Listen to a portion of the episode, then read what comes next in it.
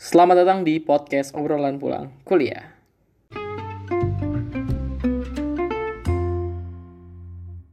warahmatullahi wabarakatuh. Baik lagi di podcast obrolan pulang kuliah di edisi ketujuh. Kali ini kenalin nama gue Nando.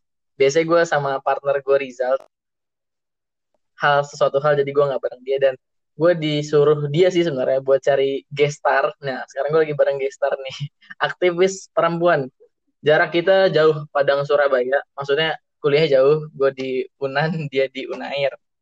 Nah mungkin teman-teman obrol podcast obrolan pulang kuliah uh, ini kenalan dulu dong sama Marsha. Silakan Marsha memperkenalkan diri dan menyapa teman-teman dari podcast obrolan pulang kuliah. Halo teman-temannya Nando dan teman-temannya obrolan pulang kuliah. Perkenalin nama gue Marsha Martia, gue mahasiswa Ilmu Politik Universitas Airlangga angkatan 2017. Yay. Kesibukannya apa nih Marsha? Kesibukannya kalau sekarang kan lagi ini ya, lagi pandemi COVID. Kebetulan gue Hmm. ke Jogja sih. Terus kesibukan Oh di Jogja.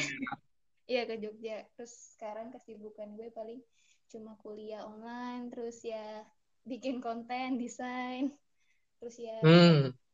Drakor, Aduh. gitu-gitu sih. Konten apa tuh kalau boleh tahu? Ini sih jadi konten menyebar kata-kata yang bisa menenangkan, bisa menginspirasi orang-orang. Jadi konten Oke, itu hashtag apa? kalimat baik. Kalimat baik. Oke, di @marshow. Iya di Marshow. Oke, lanjut nih. Eh, di podcast kali ini gue bakal ngebahas sebelumnya kan podcast gue emang receh dan bahasanya emang kadang-kadang nggak jelas, LDR lah segala macam. Sekarang gue bakal ngebahas kemarin gue udah mulai mengenai sedikit eh, tentang politik, tapi karena gue lagi sama bintang tamu nih, katanya dia mau dibilangnya bintang tamu. Bintang. Sekarang sekarang gue bakal ngebahas tentang feminisme. Ini kan feminisme ini sebuah gerakan ya yang masih ada pro kontranya sih kalau gue lihat di masyarakat Indonesia. Ini kan menyoroti tentang kebebasan, kemandirian, emansipasi wanita dalam beberapa aspek eh, sosial, ekonomi, politik. Di abad ke-20 yang gue baca nih sebelumnya gue baca-baca juga, itu beberapa gerakan ini menuntut haknya berbeda-beda. Di tahun 1960 sampai 1970 itu menuntut hak-hak esensial.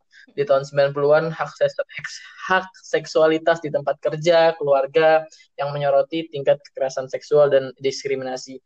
Dan mungkin sekarang juga muncul juga sih feminis katanya feminis radikal yang menuntut hak Iya, tanpa batas atas tubuh mereka. Mhm. Bahkan ada yang menganggap perempuan itu lebih baik dari laki-laki atau perempuan itu tidak butuh laki-laki. Nah. Sebelum jauh nih gue nanya-nanya nih ke lu. Sebenarnya tau gak sih perbedaan mendasar dari laki-laki dan perempuan ini menurut lu gimana, Mas? Kalau sebatas pengetahuan gue, laki-laki sama perempuan itu eh, sering banget orang tuh kayak salah kaprah ya.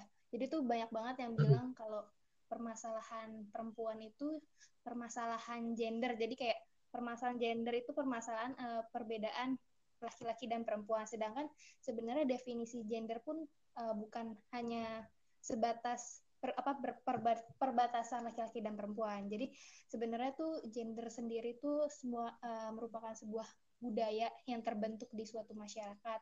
Jadi kalau misalnya di Indonesia sendiri kan kita tahu ya ada yang namanya budaya patriarki. Nah, budaya pat- patriarki Mm-mm. itu merupakan salah satu konstruksi dari gender itu sendiri sih, gitu.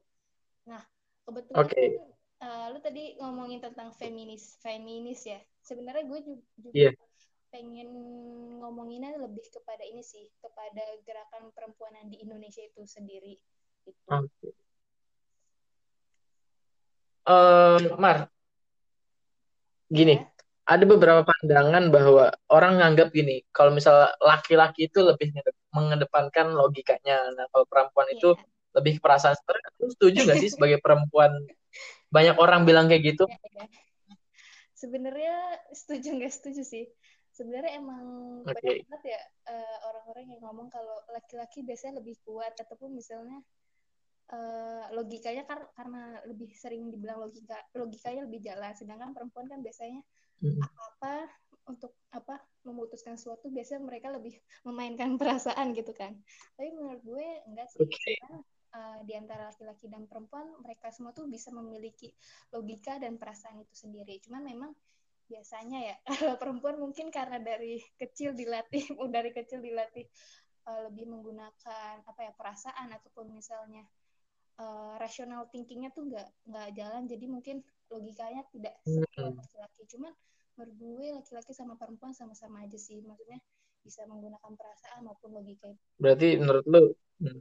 oke okay, berarti sebenarnya sama aja iya. tapi karena ada proses mungkin proses sosialisasi atau apa yang menjadi perempuan itu beda dengan laki-laki masalah berpikir ataupun yang lainnya hmm.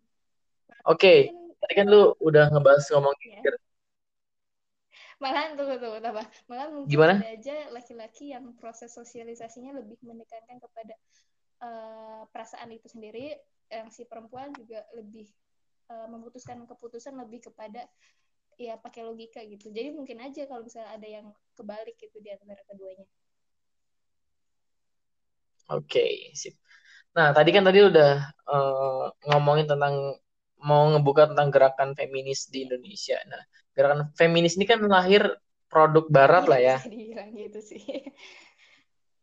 Uh, itu masuk ke Indonesia dan muncul gerakan feminis di Indonesia itu seperti apa ya? Sebenarnya gerakan perempuan di Indonesia itu udah dari ini sih, udah tahu dari awal tahun 1900-an itu di mana waktu itu kan ada kayak organisasi-organisasi pemuda juga kan yang muncul kayak Budi Utomo dan lain sebagainya. Terus kita kan juga tahu kalau misalnya Indonesia pada saat uh, akhir 80-an sama awal tahun 1990-an itu kan ada kebijakan etis ya dari kolonial Belanda di mana ada kebijakan adanya apa? Tiga itu yang ada satunya salah satunya pendidikan kan?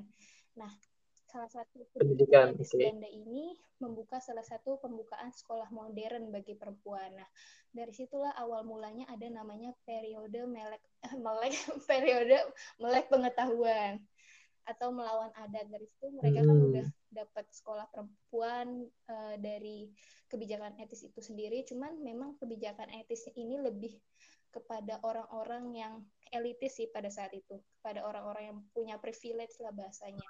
Jadi cuma yang perempuan-perempuan yang sekolah itu cuma yang ada di kota-kota besar aja kayak di Jogja di Jakarta pada saat itu sih. Okay. gitu.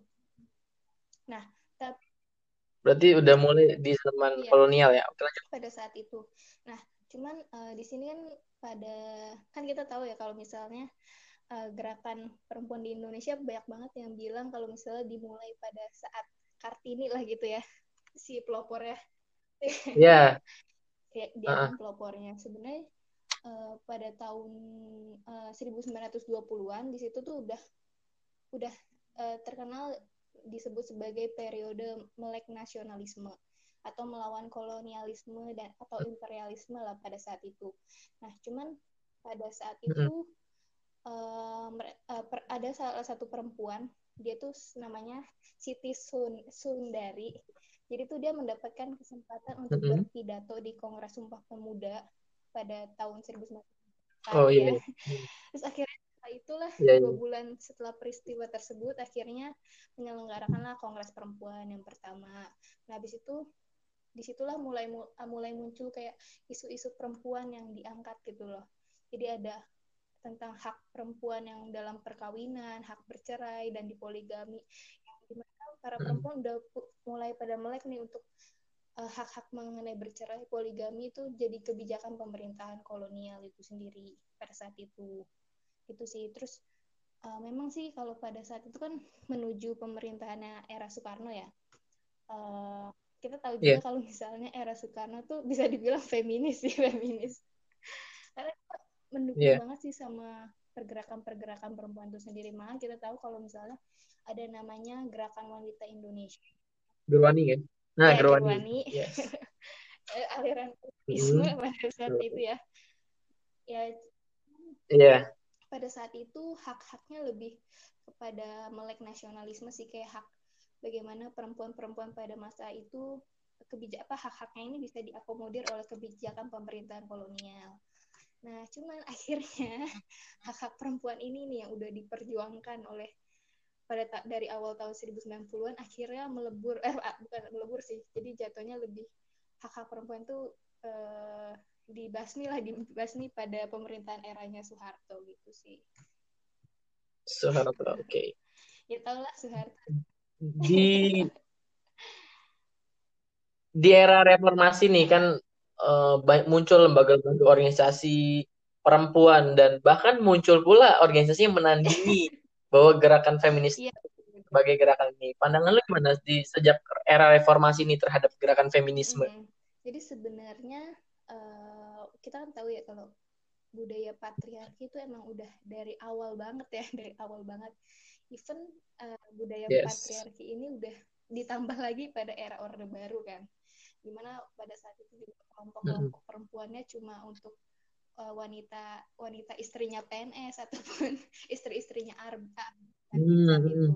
Nah, cuman pada saat uh, era reformasi pada tahun pas ini sih pas menuju reformasi ya pada tahun 1980 memang muncul LSM LSM yang mulai mengadvokasi lah mengadvokasi isu-isu perempuan karena pada saat itu banyak sekali perempuan-perempuan kayak misalnya ini si Marsinah tahu kan Marsinah dia Iya, buruh asik media sekarang ya. Si buruh dia kan memperjuangkan hak-hak perempuan juga kan, hak-hak hak buruh maupun hak perempuan itu sendiri. Tapi kan pada saat itu dia di diperkosa gitu kan bahasanya diperkosa. Mm -hmm. Dan pokoknya sampai dia meninggal pada saat itu, pokoknya pada saat itu emang LSM LSM tahun 80-an tuh akhir 80-an udah mulai melek lah pada permasalahan-permasalahan kayak hak buruh perempuan, terus misalnya hak mereka pokoknya mengadvokasi kekerasan terhadap perempuan maupun kayak mereka ya LSM LSM di sana tuh mulai uh, membangun gerakan yang membongkar kekerasan negara terhadap perempuan sejak ter tragedi yang terjadi di Dom maupun di Dom Aceh gitu kan ataupun di Papua. Pada hmm. pada masuk pada saat masuk uh, reformasi itu sendiri uh, sebenarnya emang sih yang jadi polemiknya kan uh, ketika gerakan perempuan udah mulai terbuka lebar tapi akhirnya juga ada gerakan lain kan gerakan uh, kelompok keagamaan yeah. gitu kan bahasanya Iya, yeah. Indonesia tanpa feminis. yang menentang feminis gitu kan. Jadi kayak aduh baru aja ngelawan Soeharto udah ada lagi udah ada lagi yang harus diperjuangkan.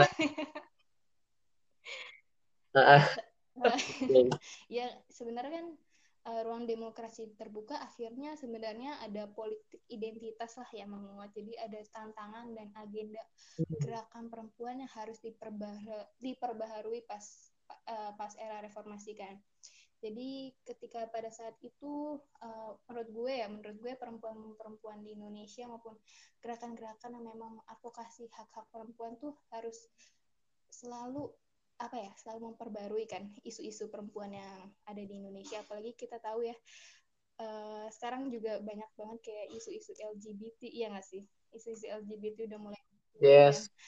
Isu-isu perempuan yang sebenarnya yang belum bisa dibasmi kayak misalnya perempuan masih dianggap remeh ataupun misal perempuan nggak boleh keluar jam malam kan kayak waktu RKUHP waktu yeah. viral.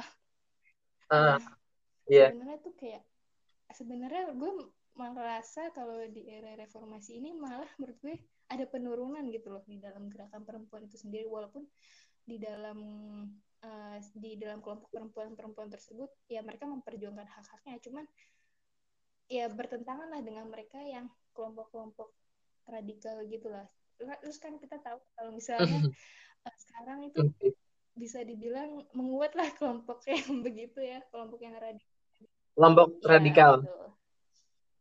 Contohnya? perlu dibilang ini. Oke, okay. kalau kalau nggak perlu, kalau menurut tuh apa nggak usah lah. Contoh gerakan radikal yang menurunkan gerakan feminisme uh, itu? Misalnya uh, bisa di, misalnya ada sih gerakan yang kayak uh, sebenarnya ya misalnya ya bisa dibilang kayak nyuruh perempuan untuk berjilbab. Bisa nggak sih dibilang? Mm. Nah, ataupun misalnya Indonesia tanpa pacaran itu kira-kira radikal nggak? Oke, oke, ntar gue bahas. Gue udah nyatet itu tuh, Indonesia tanpa pacaran, ntar gue bahas. gitu Oke, Eh, tadi kan berarti menurut lu gerakan perempuan ini, gerakan feminis Mm-mm. ini di era reformasi sudah mulai menurun karena emang ada lembaga lain yang membenturkan Ya. apa lebih ke perempuannya sendiri atau isu-isu LGBT itu yang mulai muncul akhirnya isu-isu perempuan lain sudah mulai menurun. Menurut lu gimana? Hmm, kalau itu sih menurut gue nggak juga ya nggak mak- maksudnya isu-isu perempuan juga nggak nggak tertutupi sih cuman menurut gue Hmm. kadang polemiknya itu masyarakat kita ya masyarakat Indonesia tuh sering banget ya gue lihat kayak misalnya tuh di Twitter lah jangan jauh-jauh gitu kan Oke. kalau misalnya ngomongin kayak isu LGBT pada mereka tuh pasti uh, melihat kasusnya tuh dengan perspektif agama sih terkadang ya. Perspektif ag- agama. Hmm. mereka yang uh, melihat itu dengan isu eh, dengan pandangan yang kayak ya sosial sosial gitu loh. Jadi menurut gue gimana ya isu-isu kayak gini tuh terkadang emang susah sih kalau dipandang dengan uh, perspektif agama itu sendiri sih. Hmm. gitu sih terus kalau misalnya Oke. sebenarnya yang gue bingungin juga ya kelompok-kelompok perempuan di Indonesia pun juga apa ya mah menurut gue masih ada yang kayak berseberangan satu sama lain sih maksudnya ya Hmm. mereka maksudnya sa- saling nge-counter satu sama lain gitu loh jadi kayak merasa pandangannya Oke. tuh eh, misalnya pandangan ini salah ya udah dia pandangan orang ini ya dibasmi bener-bener basmi kayak kayak disemprot Hmm. disemprot banget gitu kan Serang-serangan ya. serang-serangan menurutku sih nggak baik juga sih walaupun kadang ya pendapat tentang misalnya tentang isu misalnya tentang isu poligami nih ada yang nggak setuju terkadang eh, kan ter, eh, terkadang tuh orang-orang tuh kayak kalau misalnya ada yang nggak setuju ya udah dibasmi nih dibasmi orang yang nggak setuju nih pokoknya pandangan dia tuh harus sesuai apa yang mau, mau gue yang gue mau gitu tapi menurut gue harusnya nggak kayak gitu nggak sih terus sampai kayak ngejelekin Ya. banyak banget sih yang gue temuin kayak gitu padahal kan harusnya perempuan support perempuan asik Oke. Hmm, begini Mars. Tadi kan lu ngebahas mengenai agama ya. Sebenarnya agama bahkan uh, beberapa beberapa orang yang mengaku dari kelompok agama, nih gue nggak ngomong keseluruhan ya, itu memandang feminis ini bukan uh, lahir emang produk barat dan Hmm. kita harus uh, membasmi feminis itu. Sebenarnya feminis dalam pandangan Islam itu seperti apa sih? Apakah ya, laki-laki itu emang harus apakah Islam itu emang benar-benar patriarki sekali akhirnya perempuan tidak mempunyai ruang apa gimana menurut lo? menurut gue ya menurut gue sub- subjektif sendiri sebenarnya Islam itu eh, nggak sediskriminatif itu loh gitu loh menurut gue. Maksud gue Hmm, kadang memang ada pe- perspektif-perspektif kayak pemikiran tentang feminis dari kacamata Islam itu sendiri yang pokoknya nggak boleh pokoknya nggak boleh nggak yang namanya feminisme tuh nggak ada di dalam Islam gitu kan. Tapi menurut gue Hmm, eh, feminisme dalam Islam itu ada misalnya kita kita co- kasih contoh lah kayak Khadijah gitu kan Khadijah atau misalnya Aisyah oke.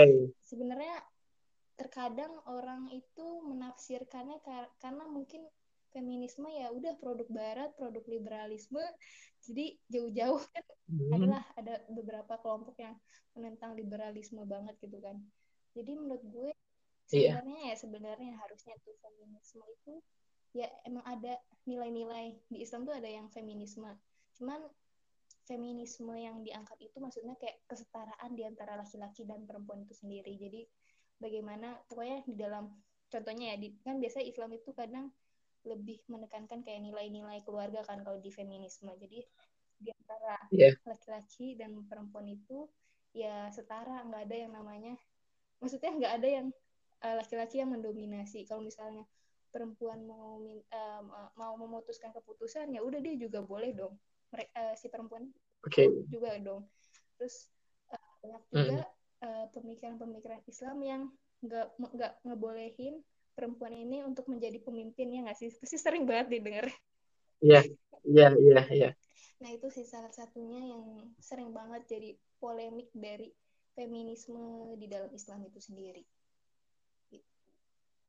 Oke.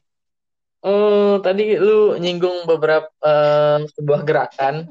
Ini masif juga gerakannya, sering uh, melakukan aksi massa Indonesia tanpa pacaran. Ini sesuai lah sama diri gue yang meng, apa mengamini hal tersebut dan melakukan Indonesia tanpa pacaran. Uh,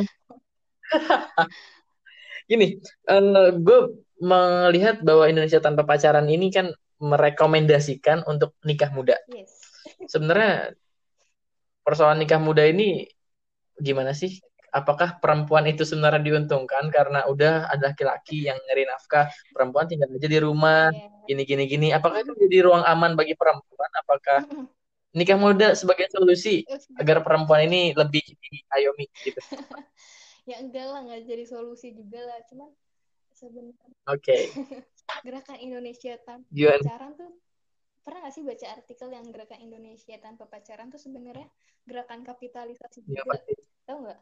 Jadi dia kayak gue bacanya neofasis gitu. Iya pokoknya ya ada kapitalisasinya juga dia nyari keuntungan kan dari member-member itu sendiri. Gue nggak tahu sih si iya yeah, uh, pernah tahu. Bayar kan? Bayar kan? Mahal banget dah membernya kan gak bisa masuk jadinya.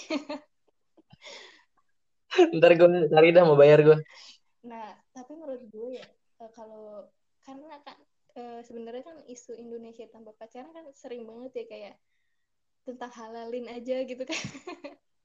halal okay. menikah muda gitu. Sebenarnya menurut gue sih uh, menikah menurut gue ya pandangan gue menikah muda itu sebenarnya nggak apa-apa. Cuman asalkan ya ada asalkan lu emang udah siap gitu loh sebagai misalnya gue memposisikan diri gue sebagai perempuan lah ya emang gue perempuan sih maksudnya yeah. misalkan ya lo tuh kayak udah siap lahir batin udah siap fisik lo udah siap mau punya anak maksudnya udah harus ada tanggung jawab yang harus dipegang karena sering banget ya gue baca-baca kayak cerita-cerita orang di Twitter gitu kan kalau mm -hmm. nikah muda banyak banget yang akhirnya beberapa bulan kemudian cerai gitu terus beberapa bulan cerai. kemudian si si suaminya ketahuan poligami gitu kan. Beberapa kemudian ketahuan suaminya apa sih namanya cetan sama member Indonesia tanpa pacaran lain. Aduh. Sebenarnya ya itu sih maksud gue sebenarnya nggak apa-apa yang menikah muda ataupun misalnya nggak apa-apa lah taaruf gitu kan. Asalkan ya lu tahu uh, calon suami lu gimana gitu loh. Nggak nggak asalkan langsung iya saya terima nikahnya gitu enak banget. Kayak nerima lamarannya aja gitu sih. Yang penting sebenarnya di sini yang uh, bisa ditarik benang merahnya harus ada pendidikan sih. Pendidikan yang matang gitu. Hmm. kayak ya setidaknya perempuan tercerahkan gitu. Maksudnya nggak langsung iya tri saya terima nikah nikah kamu gitu. Kamu langsung ke rumah saya aja gitu. Gue gitu sih. Pendidikan jadi kayak salah satu fundamental lah yang penting untuk kayak untuk apa ya melanjutkan ke jenjang selanjutnya yang lebih serius gitu sih. Oke, okay. nah berarti menurut lu nikah muda sebenarnya oke-oke aja, asalkan lu punya persiapan, hmm. lu punya persiapan lah dari berbagai aspek hmm. untuk selanjutnya akan menimba uh, keluarga yang lebih berat lagi. Hmm. Nah, gue pernah mendengar gini, Mas, hmm. perempuan itu adalah madrasahnya pertama bagi anaknya. Betul, betul. Nah, seberapa seberapa penting sih perempuan itu berkorelasi dengan pendidikan anaknya atau gimana? Iya benar. Jadi sebenarnya perempuan tuh memiliki peranan yang sangat penting sih menurut gue ya dalam hal pendidikan. Bahkan emang benar yang perkataan lo, pendidikan pertama yang diberikan kepada anak ialah dari seorang ibu gitu kan karena ibu memiliki okay. andil besar dalam melakukan pengembangan potensi anak itu sendiri. Tapi walaupun walaupun apa sih maksudnya di sini uh, peran si suaminya juga memiliki pengaruh juga uh, dari apa pendidikan anak itu sendiri. Cuman memang kan kita tahu ya kalau misalnya ya suaminya kan bisa aja kerja gitu kan. Jadi yang lebih banyak waktu sama si anak-anak pasti si ibunya kan.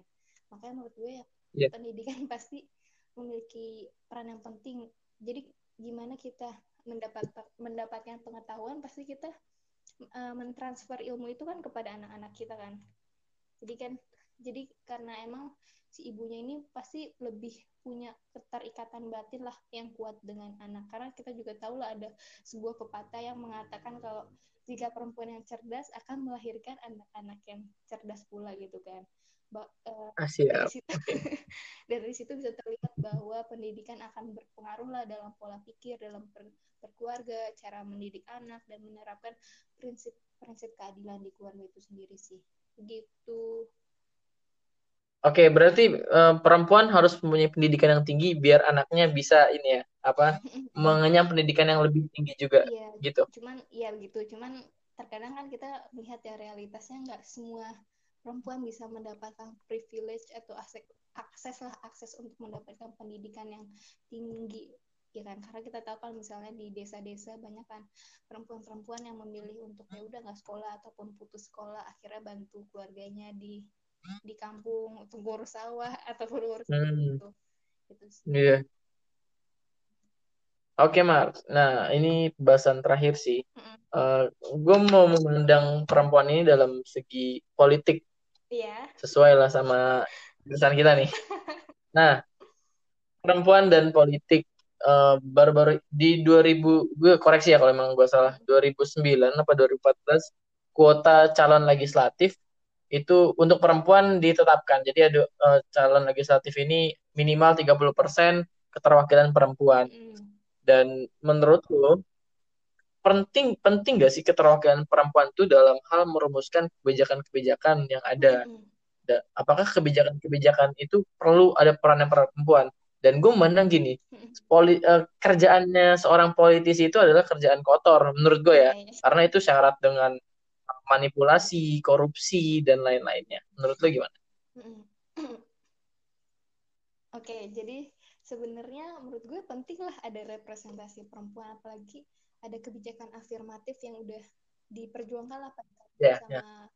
kelompok-kelompok perempuan kan pada saat itu. Menurut gue juga sudah saatnya lah perempuan berpartisipasi aktif membangun bangsa dan negara melalui jalur politik gitu. Yeah. Ya. Uh, karena kita tahu kalau misalnya kita nggak dapet akses ataupun jalur politik itu sendiri, kita susah untuk mendorong DPR lah, mendorong DPR untuk ya iya. misalnya mengangkat isu-isu perempuan. Kita uh, jelas balik kalau misalnya kita lihat kayak demo-demo kemarin kayak reformasi di korupsi itu aja susah kan um, uh, mahasiswa udah yeah. orang-orang banyak gitu kan maksudnya maksudnya mahasiswa udah berkumpul terus teriak-teriak uh, tolak tolak revisi UU KPK tapi akhirnya kebijakan yang di, yang ditetapkan ya tetap yang sesuai si DPR itu sendiri kan dan menurut gue yes. itu uh, salah satu keterwakilan perempuan tuh emang penting tapi keterwakilan itu jangan sekadar untuk memenuhi kuota aja kuota 30% itu sendiri. Jadi hmm. sebenarnya uh, keterwakilan perempuan juga tuh uh, jangan hanya pelengkap aja gitu. Jadi tidak hanya sekadar kuantitas tapi harus ada kualitas yang harus mumpuni dan dominan dalam pengambilan keputusan agar bisa bersaing nih dengan para politisi yang ada di dalam parlemen yang yang kotor-kotor itu seperti yeah. yang lo bilang. Cuman uh, kita tahu lah representasi perempuan yang misalnya legislatif kemarin kan sebenarnya meningkat ya. Cuman misalnya yeah. kayak beberapa gue lihat tuh kayak calon politis eh politisi yang di legislatif kemarin kebanyakan juga yang perempuan tuh yang terkenal terkenal jadi dari artis gitu loh kayak Mulan Jamila. Mm. Mulan Jamila. Yeah. kayak ini. gue mikir eh, emang dia punya apa gitu bukan yang maksudnya menjatuhkan ya hmm. gitu maksud gue uh, apakah emang si Mulan Jamila ini digunakan oleh partai politiknya ya partai politik apa sih dia Gerindra ya Gerindra Gerindra melambungkan suara melambungkan suara aja biar ya udah habis itu si Mulan Jamila lolos jadi anggota legislatif habis itu ya udah yang yes. si partai-partai Gerindra itu sendiri hmm.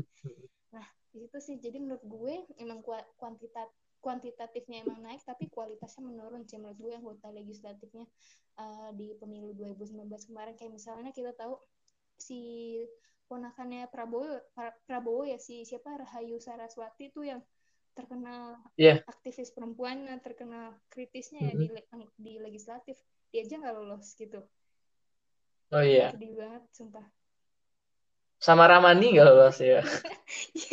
Partainya aja nggak lolos ya pak? Oh iya sebenarnya dia lolos sih Susah. tapi nggak pantas nggak lewat. Ya oke. Berarti sebuah kebijakan itu harus ada peran perempuan itu. Contohnya apa ya? RUU PKS mungkin? Iya betul. Hmm, RUU apa lagi ya tentang perempuanan ini? RKUHP juga ada sih yang kayak oh ya banyak. Banyak. Beberapa hal emang perempuan itu perlulah masuk dalam dunia politik. Iya benar banget. Oke Marcia mungkin eh, ada lagi? Eh, udah sih. Eh, mungkin itu beberapa pertanyaan dari gue. Terakhir nih, Ah, mungkin pesan lu buat perempuan-perempuan yang mendengar podcast ini. aduh malu deh. Silakan. sebenarnya gue ngutip ini sih perkataannya Soekarno gitu. Tapi- tapi gue bukan Soekarnois ya Hmm, bukan merah-merah. Jadi gini perkat pe- pernyataannya dia. Semoga bisa menginspirasi ya. Oke. perempuan Indonesia kewajibanmu telah terang. Sekarang ikutlah serta ikutlah dalam usaha menyela- menyelamatkan republik. Dan jika republik telah selamat ikutlah serta mutlak dalam usaha menyusun negara nasional. Janganlah tertinggal dalam revolusi negara dari awal hingga akhir dan janganlah tertinggal pula di dalam usaha menyusun masyarakat berkeadilan sosial dan kesejahteraan sosial di dalam masyarakat berkeadilan sosial dan kesejahteraan sosial itulah engkau akan menjadi wanita bahagia, wanita merdeka. Oke.